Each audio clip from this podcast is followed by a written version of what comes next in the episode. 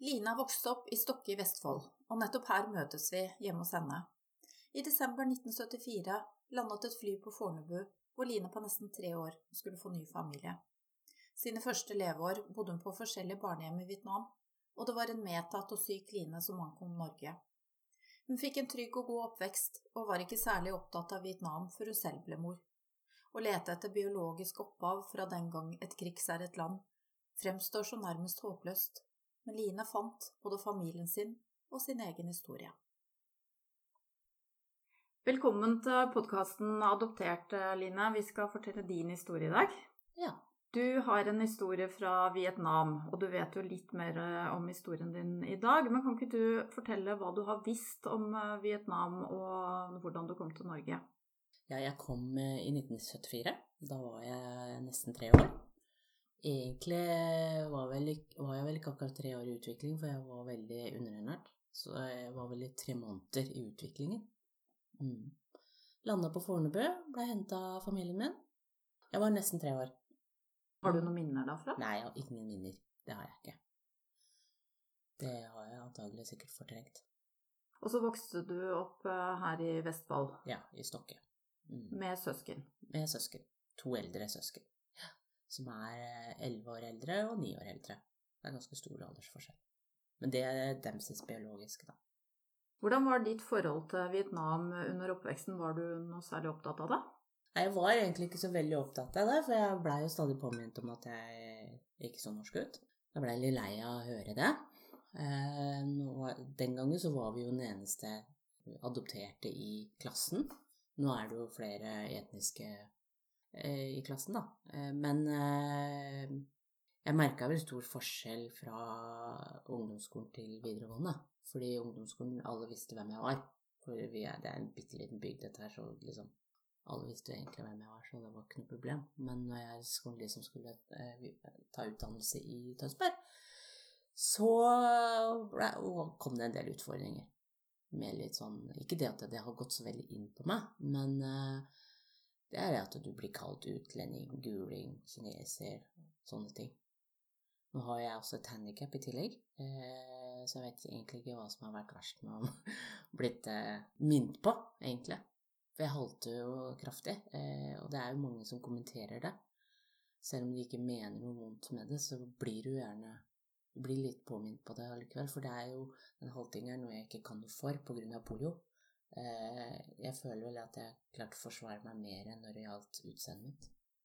Men å vokse opp på et lite sted sånn som her, eh, var det mer trygt enn å komme til Tønsberg og møte flere? Ja, jeg følte at det var mye mer trygt, men jeg følte også vi var blitt mer pakka inn. At det var sånn der eh, Den lille verden, og så plutselig så skulle du liksom litt utafor kommunegrensen. Det er ganske stor forskjell, altså. Jeg følte at jeg måtte forsvare meg veldig mye. Og spesielt eh, når jeg var ute på byen. Eh, da var jeg veldig bevisst med å ha med norske venninner rundt meg. Fordi at eh, ofte så blei jeg jo Fikk jo tilbud om sex, da. Og det blei jo litt slitsomt noen ganger, da. Fordi jeg følte at jeg liksom var i samme kategori som de andre som sto der, som var fra et annet land. Så det var flere ganger jeg måtte liksom ty meg å få hjelp fra venninnene mine for å slippe den der ubehagelige opplevelsen ute på byen. Det opplever jeg faktisk i dag. Nå er ikke jeg så mye ute på byen, men eh, jeg opplever det. Man vokser opp og føler seg annerledes enn de andre.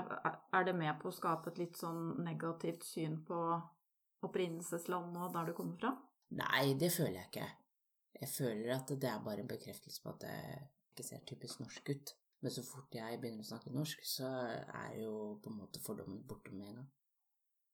Jeg har jo opplevd også Jeg har jo jobba på apotek i 15 år. Og det er jo spesielt en eldre, eldre generasjon som uh, eh, syns jeg snakker veldig bra norsk. uh, og de syns jo, de synes jo det er helt fantastisk at jeg klarer den kalde vinteren. Det er liksom før jeg får forklart at ja, men jeg har jo bare bodd her. Uh, jeg veit jo ikke om noe annet. Så det er jo noen ganger jeg liksom ler med de, eller prøver å spøke de, sånn at de skjønner at oi, her har jeg tråkka litt i bare. Men eh, tar, akkurat det tar jeg med godt humør. Det har jeg aldri følt noe negativt med. Når var du begynte å bli eh, litt interessert i å finne ut mer om deg og opprinnelsen din? Det var vel eh, egentlig etter at jeg fikk barn selv. Jeg var så heldig at jeg var med og henta tantebarnet mitt i 1992. Min søster og min svoger eh, skulle adoptere fra Vietnam. Fra Hanoi, da. Men jeg tok det som en sånn ferietur, for jeg tenkte at eh, jeg var egentlig overhodet ikke klar for å besøke Vietnam. Jeg tenkte at jeg kan bli med, og så kan jeg bare oppleve eh, Vietnam. Så jeg hadde ingen forventninger eller noe sånt. Men nå var jo dette her litt spesielt i og med at det var adopsjon, så det var jo veldig mye rundt dette her, da. Så vi så jo stort sett bare Hanoi og hva, hva, hva det sto for, da. Vi var jo ikke reiste overalt.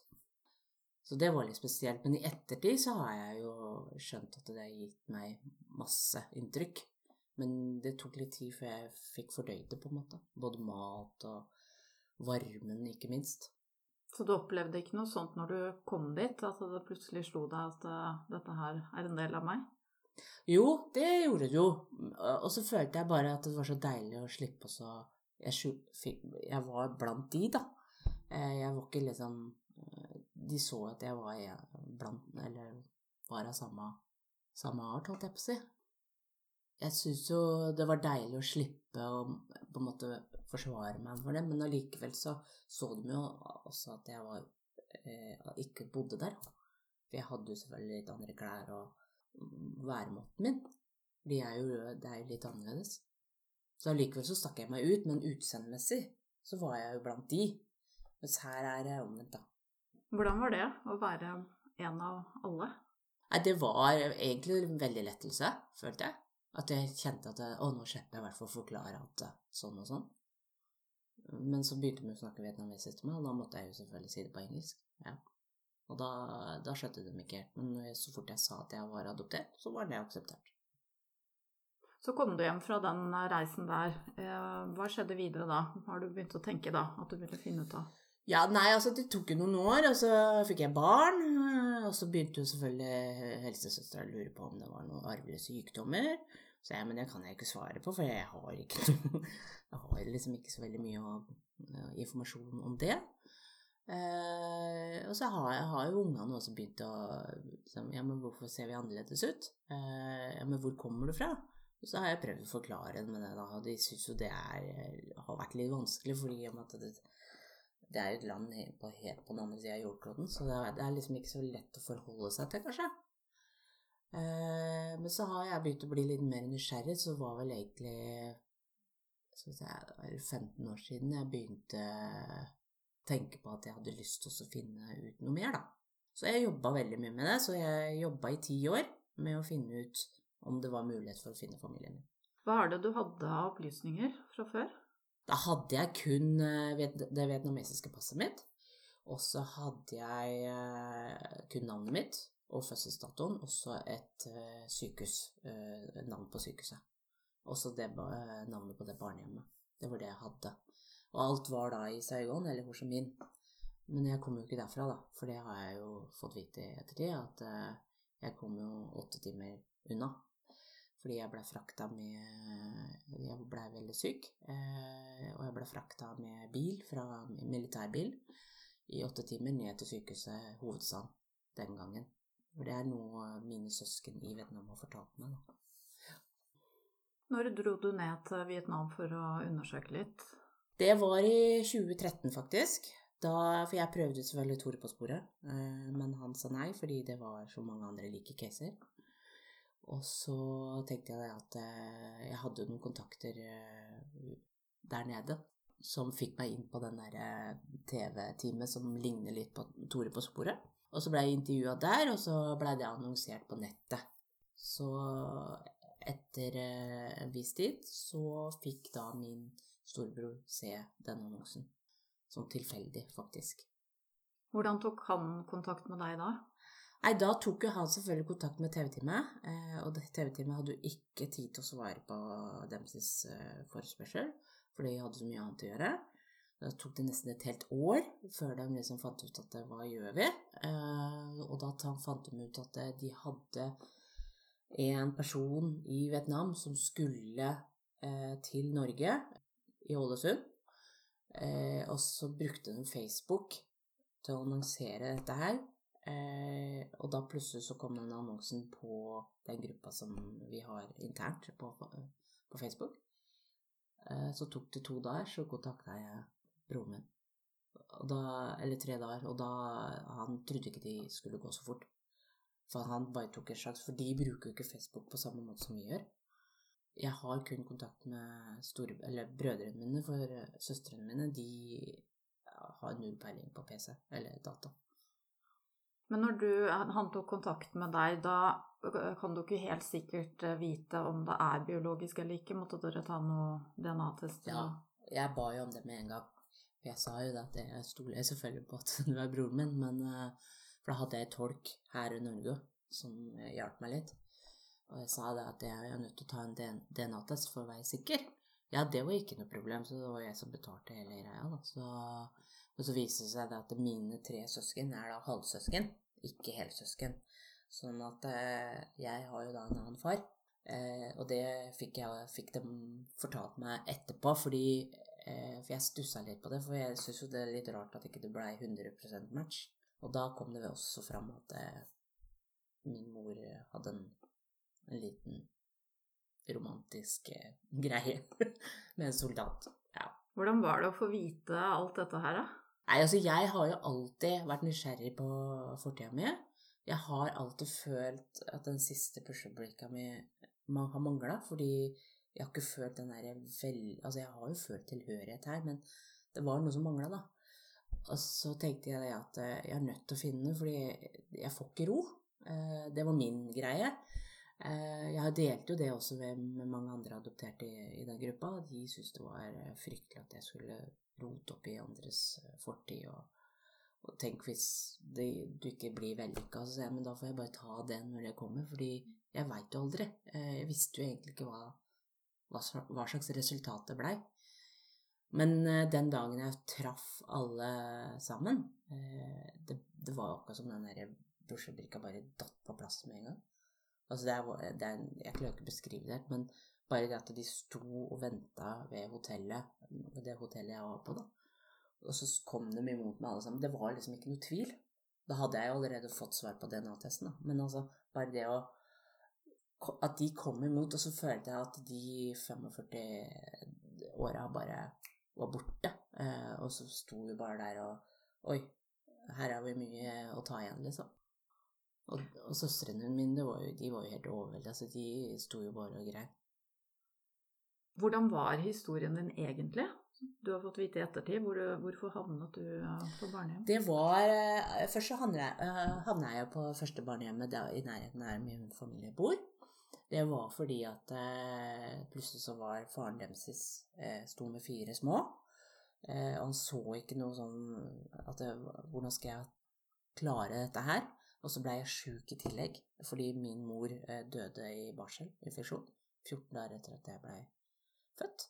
Og da så han bare det at det, det, beste er at jeg er på barnehjem. Eh, men den gangen, så jeg vet ikke hvordan det er nå, men den gangen så var det sånn at eh, de har jo Familien har jo fortsatt ansvar for barna, selv om barna er på barnehjem.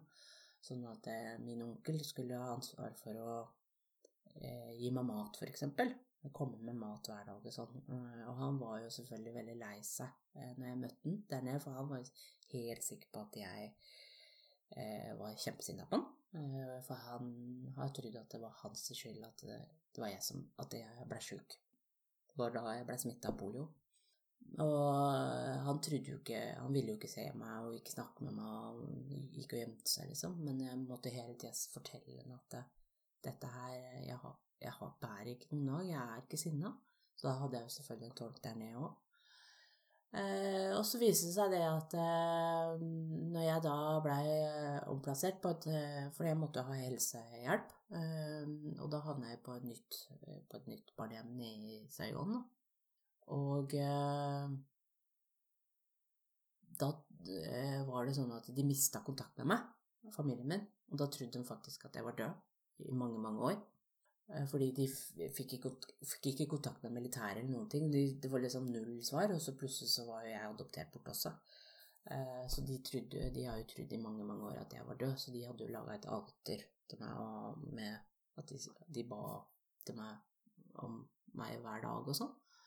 Så den dagen de fikk vite at jeg levde, da, så reiv de med hele återet.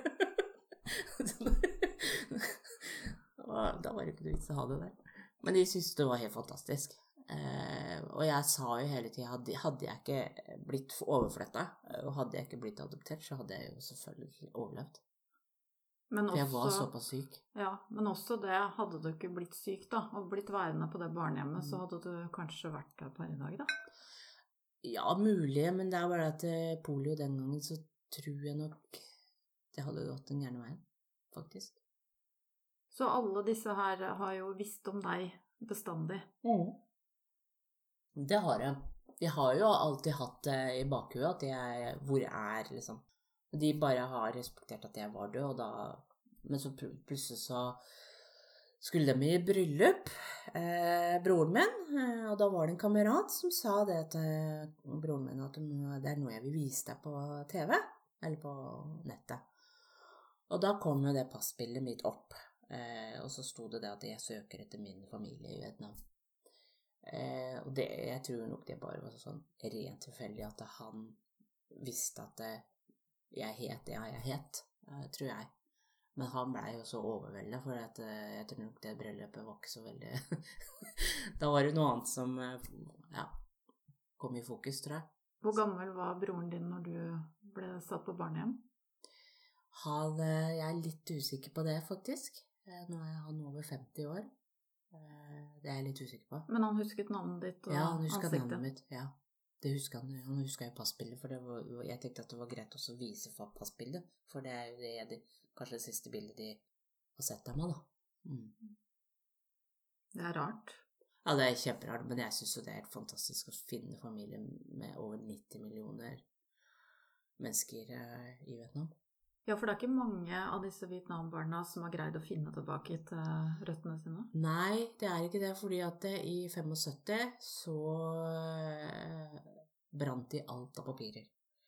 Folkeregister og hele pakka. Sånn at det var liksom umulig å spore opp egentlig hvor de har flytta hen, hvem som tilhørte hva, alt sammen.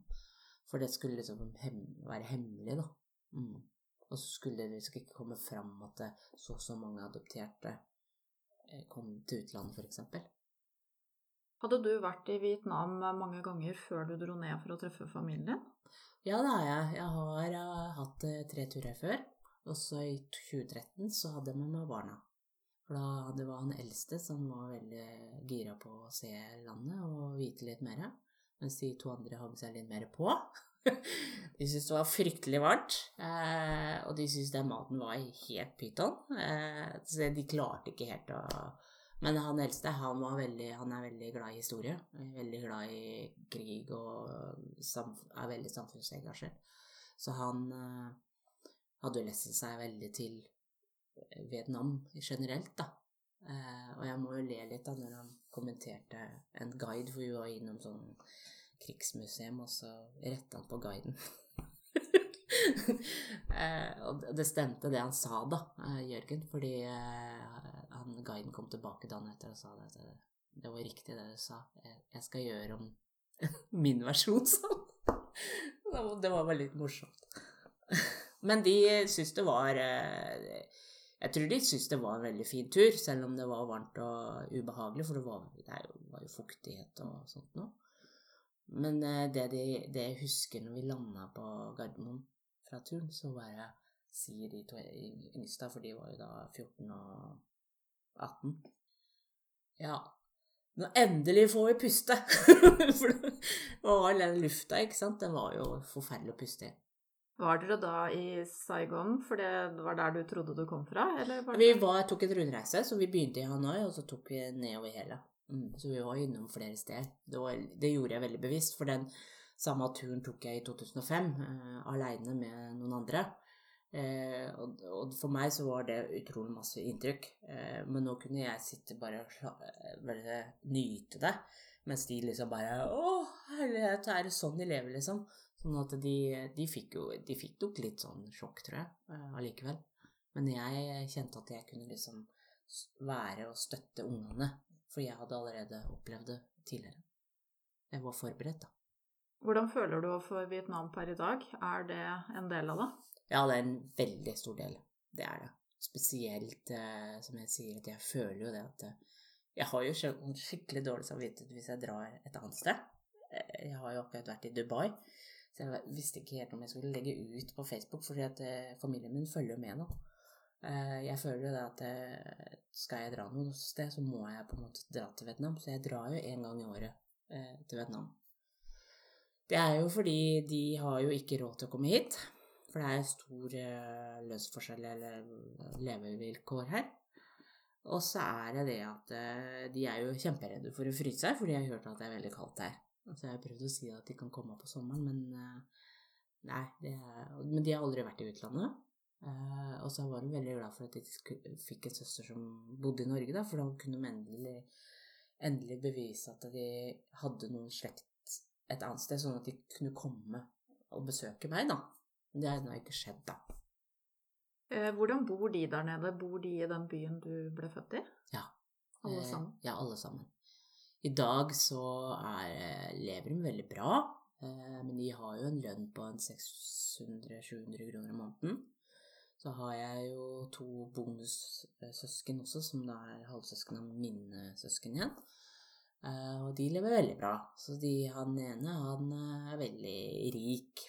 Han driver eget vannfirma og har eiendommer, så han tjener liksom 7000-8000 kroner i måneden. Så det er ganske stor forskjell.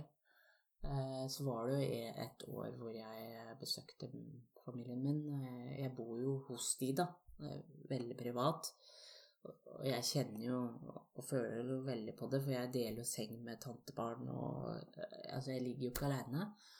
Og det Det var jo Den ene perioden var det jo selvfølgelig eh, to av mine søstre som var veldig fattige da, da, fordi det var lite jobb. For de bor ved kysten eh, og driver reparerer fiskeutstyr.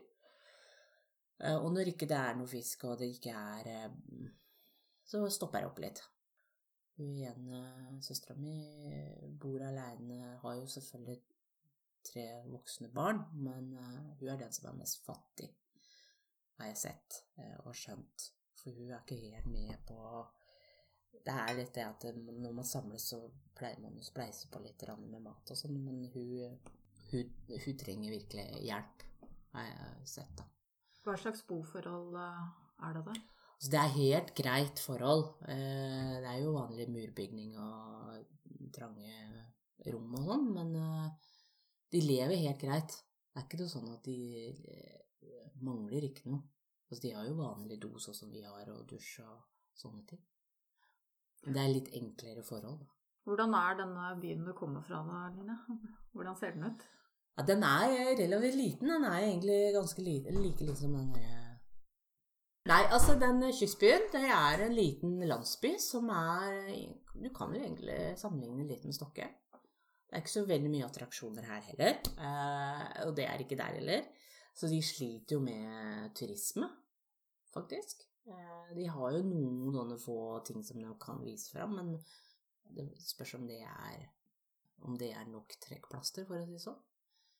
De er ikke vant med de bruker ikke uh, stranda på samme måte som vi gjør. Så det er jo ingen av de som kan svømme. Jeg kan jo svømme, da, og det var det de første de spurte om. Uh, men de, jeg får jo ikke lov å være på stranda og bade, for de er jo livredd for at jeg Hvis jeg skal drukne, så klarer jo ikke de å redde meg. så de ler jo litt av det det er eh, Altså, nå er det sånn at storebroren min, han er varaordfører i kommunen der, da. Men han får jo ikke mye penger. Det er mest for å liksom prøve å få, få ting til å gå i hop, og få bedra ting, da. Mm. Så jeg tror ikke han tjener så enormt mye på jobben. Men han er veldig godt kjent og likt i kommunen. Han. Hva er størrelsen på denne byen her, sånn cirka? Det er jeg også litt usikker på. Ja. Eh, som jeg sier, du kan egentlig sammenligne med Stokke. At det er en relativt liten by. Nå har jo Vietnam blitt, eh, blitt en sånn feriemagnet, det også. Eh, er den tilknytta noen feriesteder der nede? Nei, det er ikke. Så det er to timer fra Huan og Da Nang. Det er nærmeste, og det er de som er mest kjent. Eh, hvis man skal reise, til Vietnam, så er det de to stedene der, blant annet. Vi snakket om i stad, du er jo litt engasjert i disse andre fra Vietnam, eh, og i forhold til Vietnambarna, eh, som dere har dannet Mm. en gruppe og sånn. Kan ikke du fortelle litt om de gruppene du er med i? Jeg er eh, med i begge gruppene, eh, egentlig, på Facebook. Eh, Det var vel jeg, det var jo jeg som starta treffet i 2013. Fordi jeg ønska var i 1990, så hadde vi et sånn eh, fellestreff med foreldre og søsken og hele pakka den gangen. Og da var jo ikke vi så store, så var vi liksom avhengig av å bli kjørt. Og så tenkte jeg det at eh, nå er vi såpass store, at, eh, og de fleste har jo barn og barnebarn. Og så tenkte jeg at nå er det på tide at vi treffes, og der var det jo 45 år siden eh, dette her skjedde, da. Adopsjon. Eh, 1968. Og så tenkte jeg at for å min, min intensjon da var jo da å treffes, og så få den Facebook-gruppa opp, og så ha en felles tur eh, som ble arrangert i 2014, i påsken. Og så var det det å, når vi har den gruppa, at vi kan dele erfaringer og bli mer kjent. Nå er det sånn at vi blei ble jo, ble jo bare enda flere på Facebook. eh, For jeg klarte ikke å nøste opp alle sammen, for jeg, vi var jo en 40-50 stykker på det treffet. Og kun adopterte, for jeg vil bare ha det. Eh, Jeg fikk jo en del protester på det. At eh, «Å, vi må jo ha med ektefeller og mora og faren og Så jeg, men nå er vi såpass store at nå er det kun oss. Så får vi ta det treffet en annen gang. sa jeg. Så jeg sto på mitt, da. Selv om det var mange protester. Eh, og så er det jo sånn at man kan jo ikke ha kontakt med alle. Eh, for de bor jo Noen bor det, Altså det er jo masse De bor jo overalt i Norge. Så det er sånn at jeg jo, har jo kontakt med de aller fleste, men sånn sporadisk. Hvordan var det treffet? Hva, hva skulle det gå ut på? Dere møttes på Gardermoen? Ja, vi møttes på Gardermoen. Og da var det jo, som jeg sa, det var den intensjonen som jeg hadde. Jeg fortalte litt om det. Og så var det selvfølgelig litt sånn gruppearbeid med tenking om hvordan vi har hatt det, hva slags erfaring vi sitter med, hva vi har opplevd. Og så kom jo gruppa opp én etter én og fortalte litt, sånn at man fikk litt mer Ble enda mer kjent med hverandre. Og så hadde jeg jo da Saigon Tours, eh, altså han Tom Willy Bjørnstad. Han eh, var med, og, for han veldig, er veldig godt kjent i Vietnam fordi han driver med reiser i Vietnam. Og han uh, sa ja til å lage en spesiell reise for, uh, i påsken 2014 for kun oss adopterte. Og det syns jeg var veldig hyggelig, for dette det er jo Da var det bare oss adopterte, ingen andre, liksom. For det var jo en veldig spesiell tur for de som var med. For det har ikke vært noen egen forening for Vietnambarna før? Det har kommet i stand mellom disse gruppene her? Nei, altså vi snak har snakka om at det skulle, kanskje kunne vært en forening, men jeg tror det at eh, vi er, er, med på så mye annet. Eh, altså det var jo egentlig ikke min intensjon heller, for dette, vi er så ulike på mange måter. Eh, og da er det kanskje bedre å prøve å, å engasjere seg generelt med adopterte, da, sånn at vi får med oss flere. Eh, jeg har jo litt kontakt med hun Kristina, hun som uh, driver med UAPU. Ja, stemmer. Ja, Mm. henne. Ja. Mm. Hun Mm. har jeg jo en del kontakt med. Ellers så er jeg jo ikke så veldig Jeg føler jo det at det, det er jo liksom Vietnam som er eh, greia. Eh, Jeg er ikke så interessert i Korea og Kina, for å si det sånn. Ja. Men hvordan var det å møttes, da? Alle disse Vietnambarna den dagen? Nei, altså det var jo selvfølgelig mange som var kjempespente og hadde forventninger. Jeg hadde laga et veldig sånn opplegg hele tida, sånn at det, det, var noe å se fram til, da, eller sånn et program som de sikkert hadde en del forventninger til. Eh, og jeg følte vel at jeg klarte å, klarte å komme trygt i havn med det. Og så var jeg veldig sånn påpasselig når på, på, slutten av dagen eller på slutten av når vi skulle hjem, at eh, nå sender jeg den ballen videre til neste. Sånn at eh, håpet er jo da å lage lokaltreff, eller eventuelt stortreff et annet sted, sånn at vi kan bytte på litt, sånn at du ikke bør være i, på, i Oslo hver gang. Så det, det, var jo noen som tok tak i den ballen og ville arrangere treff neste år igjen. Og da, var, da ville ikke jeg liksom blande meg inn i det. Jeg tenkte at eh, nå kan dere få lov å få erfaring med det. Jeg har jo hørt andre som var på treffet, at eh, det ble jo veldig sterkt for mange. Mm. Eh, og mange har kanskje ikke hatt kontakt med andre fra, fra Vietnam før heller. Hadde du hatt mye kontakt med andre fra Vietnam? Ja, jeg har det. Jeg har også kontakt med båtflyktninger også, som vi kaller det. Mm.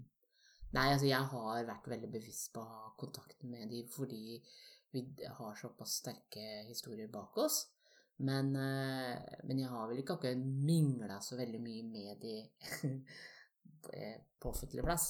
Det har jeg ikke. Jeg har stort sett treff i de private, eller at vi har besøkt hverandre. At vi har tatt treff hjemme, da. Men vi har jeg har eh, slått sammen Vestfold, Buskerud og Telemark, eh, så vi treffes jo annenhver måned. Så vi er en gjeng på en åtte-ni stykker som treffes da. Men da prater vi aldri om det med adopsjon. Vi prater om alt mulig annet som har med hverdagen å gjøre. Om uh, kjærlighet og penger og menner og alt sånt. Så det, det, har liksom ikke så veldig mye med oss adopterte å gjøre, egentlig. I en tidligere episode så har vi med historien til Linn Lie, og det mm. du fortalte nettopp før vi begynte her, at dere var til og med fra samme barnehjem. Ja. Det må være spesielt. Ja, det var veldig spesielt. Og det, det, jeg vet ikke om jeg sa det første gangen jeg snakka med i telefon, men jeg sa at vi Jeg tror vi har kommet, kommet fra samme barnehjem. Jeg har jo treffet de tre andre òg. Og det var jo Det at du også sto i samme gata, det også er veldig spesielt. For det, det barnehjemmet de andre kom fra, det er, det er så stort. Nå, er det liksom, nå kan vi konsentrere oss bare om det lille barnehjemmet. Hva slags følelse vekket det deg når du fikk se barnehjemmet? Eller var det, det vært større for deg kanskje å se byen din, der du ble født? Ja, altså jeg følte jo det at Jeg trodde det var det første barnehjemmet eh, jeg var på, i Saigon. Men så var jeg jo på et annet barnehjem først, i den byen der hvor min familie bor. Jeg fikk ikke se det heller, fordi at det lå bak i bygningen. Den hadde blitt bomba, så hele bygningen var borte. Jeg følte vel ikke noe sånn Altså, det var spesielt å stå i samme gata i Saigon, der hvor barnehjemmet lå den gangen. Men i og med at ikke det var noe barnehjem lenger, så det var jo vanlig privat uh, leilighet. Uh, så det var bare det å vite at det her det er den samme gata, da. Og så at det, sto jo selvfølgelig en murstolpe igjen, som var et bevis på at det var her. For ellers så var det jo ikke så veldig mye annet Og Jeg følte liksom at For jeg hadde et gammelt bilde, og da sa jo han guiden at dette her er samme murstolpen. Og da tenkte jeg at yes, da er det i hvert fall riktig. Og jeg husker jo ikke navn på noen gater eller noen ting, for de er jo ganske vanskelig å uttale, for å si det sånn. Ja, for du har ikke lært av vietnamesisk uh... Nei, altså jeg får jo kjeft hver gang jeg drar ned til Vietnam nå eh, med min familie. Og de syns det er veldig rart at ikke jeg lærer meg det. Så sier jeg at det, er veldig vanskelig å lære det, for da skal du på en måte praktisere det hver dag. Så nå har jeg gjort en sånn eh, greie for meg sjøl. Nå har jeg sånn vietnamesiske enkle ord på kjøleskapet. Så hver gang jeg tar opp det kjøleskapet, så står jeg og pugger. Så jeg kan noen. Så det, det er fremskritt. Men de snakker så fort der nede, så det er ikke så lett å få med seg det. Er det mange dialekter også? Ja, det er det nok. Eh, det er jeg. Jeg hører ikke forskjell på det. Nå er det sånn at tantebarnet, jeg har elleve tantebarn, eh, de kan litt engelsk. Og de prøver seg litt på engelsk, for de vil jo gjerne lære seg engelsk. For de har jo skjønt at eh, for å kunne komme litt videre i systemet her, så må de ha, lære engelskkunnskaper. Det tror jeg ikke mine søsken har skjønt. Så de er fortsatt på den der gamle stadiet. Og de skjønner fortsatt ikke hva, hvor mye man, eller hva man, nytta av PC, eksempel. De er litt, sånn, litt gammeldagse, på en måte. Eh, men jeg har jo ei eh, tanteunge som eh, er veldig Er jo til stede der når jeg er der, og hun liksom oversetter og prøver å Men det er ikke alt hun skjønner. Så har jeg prøvd liksom Det går ikke an å si lange setninger på engelsk, for da detter hun ut relativt fort. Så jeg må liksom For å for, forklare dem at jeg er veldig glad for å være her og er takknemlig og sånn, så blir det veldig sånn oppstøkka, fordi at hun skjønner ikke helt hva jeg mener. For det er så vanskelig å si det på rent engelsk, da. Og så skjønner ikke hun helt hva jeg sier, og så blir det bare sånn Ja, det blir ikke helt det samme. Har du pleid å ha med tolk når du har vært og besøkt dem? Nei, ikke de siste gangene. Det har jeg ikke. Eh, For da har jeg alltid vært noen av de tantebarna som har eh, vært tolk, da. Men jeg føler jo det at man trenger jo ikke si så veldig mye, fordi at det er jo blikk og nærkontakt og alt det der som eh, følger med. Jeg var jo, Sist gang jeg var der nede, så var jeg jo hos søstera mi en hel dag, hun som er veldig fattig. Og hun kan jo ingenting. Ikke engelsk og det er Men det var mye fingerspråk og blikk. Eh, og jeg blei sittende der en hel dag og kjente at det, dette her er Det var veldig spesielt. Allikevel så følte jeg at vi kom nær, da. For at hun, hun strøk meg på hår, og hun liksom ville eh, gi meg masse mat, og det var liksom ikke måte på. Altså den omsorgen måtte jeg smile litt, da, for plutselig så kom hun med en sort, trang kjole. En veldig pen kjole. Og så ville jeg ta bilde av, for det var den eneste kjolen hun hadde. Og da, i og med at det, det var bare oss to, da, eh, så kunne vi liksom ta bilde. Så vi, jeg fikk jo gjort det med mobilen min, da. Og hun var jo så lykkelig over det bildet. Bare liksom den derre at eh, hun fant ut at men jeg må jo pynte meg, siden jeg har søstera mi på besøk. jeg syns det er Ja, det er herlig. Nå fikk du dessverre aldri møtt eh, biologisk mor. Eh, har du sett noen bilder av henne? Ja, jeg har bilder av henne. Det har jeg. Eh, Jeg besøkte jo grava hennes. Det var jo ganske vemodig å sitte der. Da hadde jeg vel egentlig mest lyst til å si til alle de andre rundt meg at gå et annet sted. Jeg vil sitte aleine. Men jeg kunne jo ikke det. Men jeg kjente, kjente noe der, da, som gjorde at jeg Det var veldig flott eh, setting. Eh, Så var jeg jo Altså, min mor bygde et, et hus, eller der hvor de, min bonusmor bor nå. Eh, Og inni der så antagelig så var det vel der jeg blei født. Og det å bare sitte på trappa på utsida der var jo også veldig spesielt. Føle at det var hun som hadde stått for den bygningen og, og sånne ting. Hun prøvde jo å redde livet sitt, da, med, eller få- hjelp, fordi hun skjønte at hun måtte ha legehjelp. Så hun tok jo da båten over elva, og så døde hun jo selvfølgelig på den ferden. Jeg hadde håpa på at hun levde, så jeg må si at det var veldig vemodig å sitte ved den grava. Men eh, biologisk far, vet du noe om han? Nei, ikke annet enn at eh, det var en soldat, for hun drev eh, et hjem for eh, soldater som trengte hvile. Og det kan jo være hva som helst. Nå er det sånn at jeg også har tatt DNA-test i forhold til om jeg har amerikanske eller europeiske gener, men jeg har kun asiatiske. Men jeg er ikke 100% vietnameser. Så antagelig så er det jo For det var jo flere inne i bildet her i forhold til krigen. Så dine søsken har heller ikke noe anelse om hvem dette kan være? Nei. Nå er det sånn at det er veldig få i familien som vet dette her. Søsknene mine vet det, og så er det et par av tantene mine som vet det. Ellers så er det ikke så mange andre som vet det, så jeg fikk bare beskjed om å ikke si det så veldig høyt. Og akseptere at eh, de søsknene som var der, de, eh, de er eh, søsken. Ferdig, liksom. Er det litt sånn skambelagt? den, Ja, det var det. Ja. Veldig. Veldig tabubelagt. Og det var nok Jeg fikk jo vite at det var to Ikke det, jeg ble ikke noe lei meg for det, men uh, som uh, broren min sa, at uh, det var jo tre, to grunner egentlig for at jeg havna på barnehjem. Det var jo det at det, var ikke min, min biologiske far, og så var det det at jeg ble sjuk. Og han så ikke noe hende Han klarte ikke å finne ut at det, jeg klarer ikke fire små, liksom. For det var jo eh, i en krigssituasjon, eh, Mm. så det var jo veldig mange som kom på barnehjem i den Ja. tiden.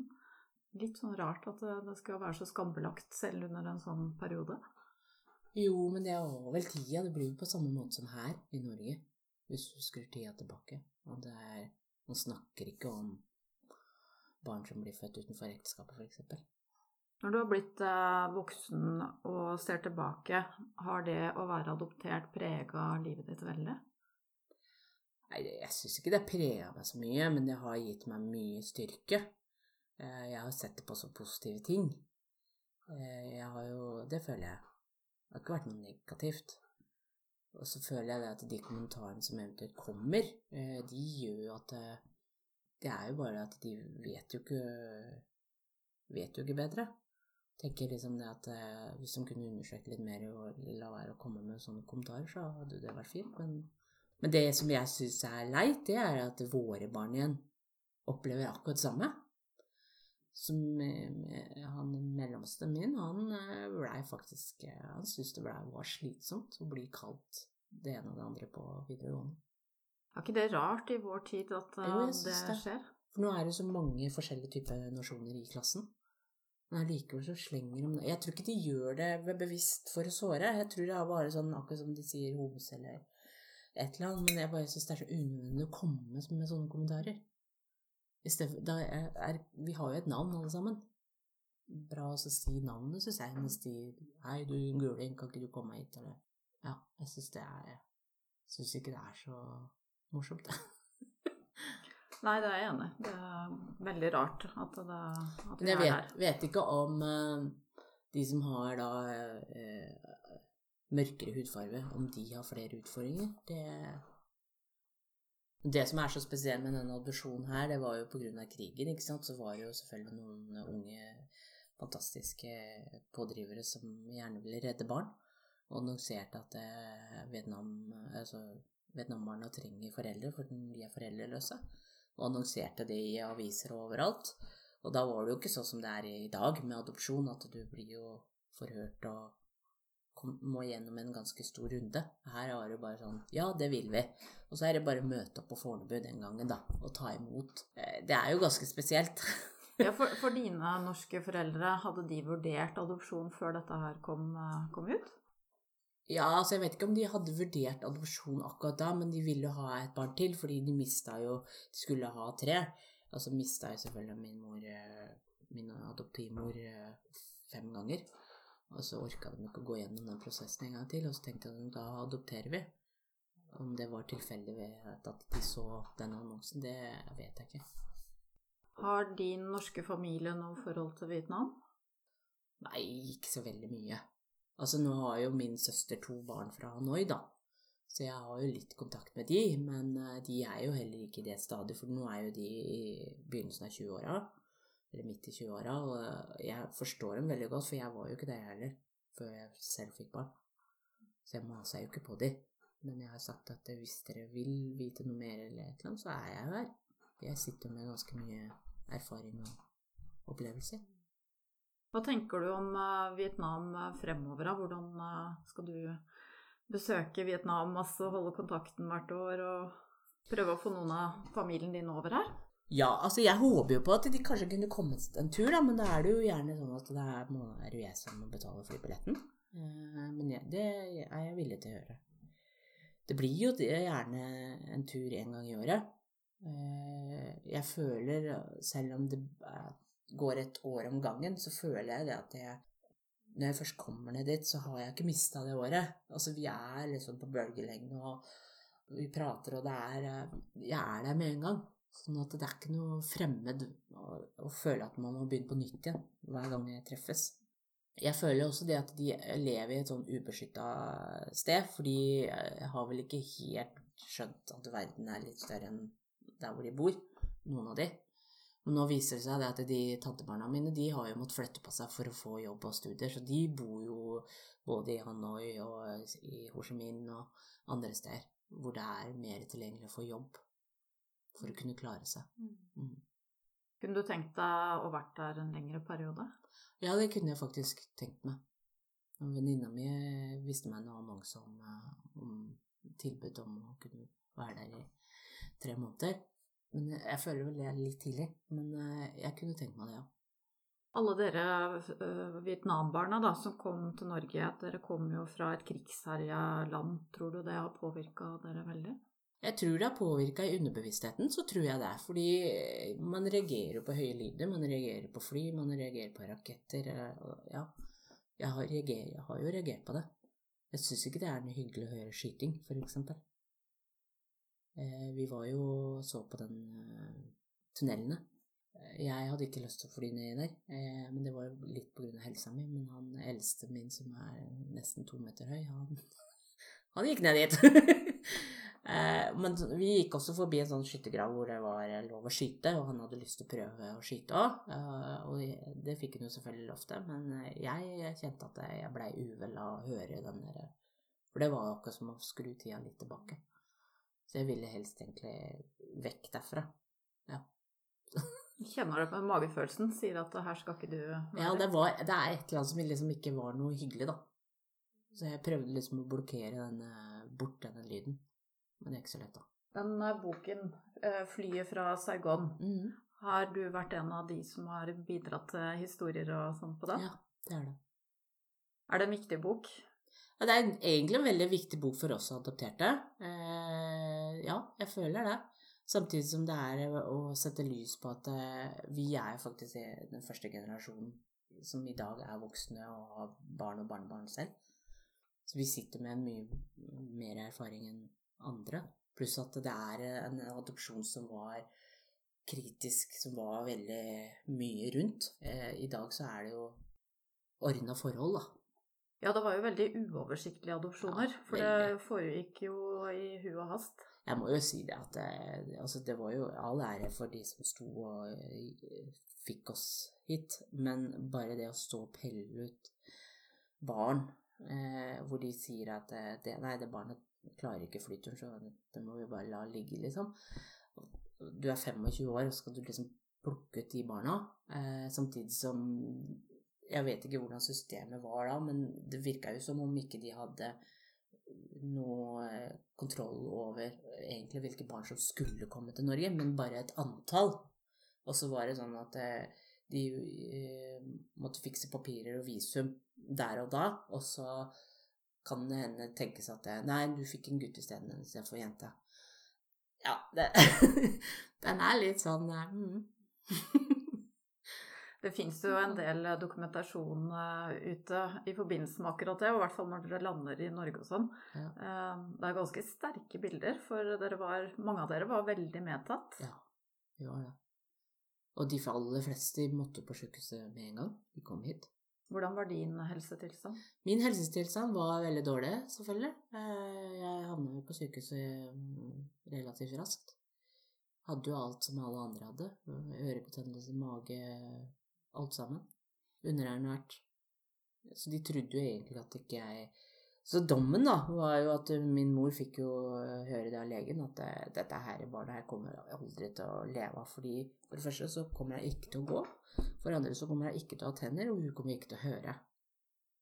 Men det trodde jo ikke mora mi på, så hun sa at nei, men da går vi bare til en annen lege. men jeg klarer jo å gå, og jeg hører jo. Men av de barna som da blir plukket ut og reise, plukket de ut av barn som på en måte var syke, som de visste ikke kunne overleve der? Ja. ja for å få et annet Samtidig som de ville overleve flyturen, selvfølgelig. For det var jo relativt lang flytur. De må jo være Og de hadde jo selvfølgelig helsepersonell på flyet. De måtte jo mellom flere ganger, så måtte de jo Det første kullet i 68, de måtte jo mellomlande flere ganger. For det var jo barn som ble syke, og som fikk dem syke eller hjelp, og så var det tilbake til flyet, og så videre. Så det tok jo ganske lang tid. Sånn avslutningsvis, Line, så vil jeg bare si tusen takk for at du ville dele din historie. Tusen takk for at jeg fikk lov til å bli med.